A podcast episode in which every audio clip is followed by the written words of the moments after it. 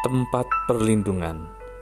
Mazmur pasal 91 ayat 1 dan 2. Orang yang duduk dalam lindungan yang maha tinggi dan bermalam dalam naungan yang maha kuasa akan berkata kepada Tuhan, tempat perlindunganku dan kubu pertahananku, Allahku yang kupercayai.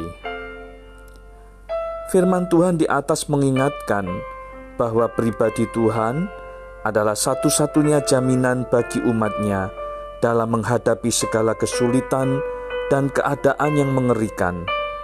Tuhan berjanji bahwa ia tidak akan membiarkan umatnya terjerat dalam kesulitan tanpa jalan keluar dan binasa dalam penyakit.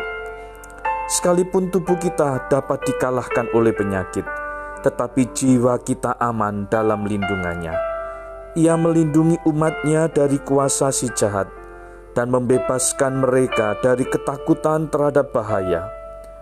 Umatnya tidak perlu takut karena kesetiaannya adalah jaminan bagi mereka bagaikan perisai dan pagar tembok yang kokoh.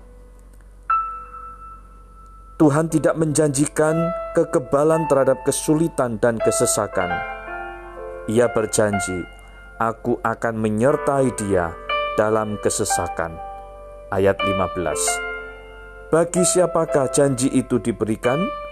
Pertama, bagi orang yang mengenal nama Tuhan dan yang menjadikannya sebagai tempat perlindungan dan kubu pertahanannya. Ayat 2. Kedua, bagi orang yang senantiasa hidup dalam persekutuan dengan Tuhan yang senantiasa berseru kepadanya dan yang menjaga komunikasinya dengan Tuhan pada setiap saat. Ayat 14 dan 15. Kiranya Tuhan menjadi tempat perlindungan di dalam kehidupan kita hari ini dan bahkan selama-lamanya. Tuhan Yesus memberkati.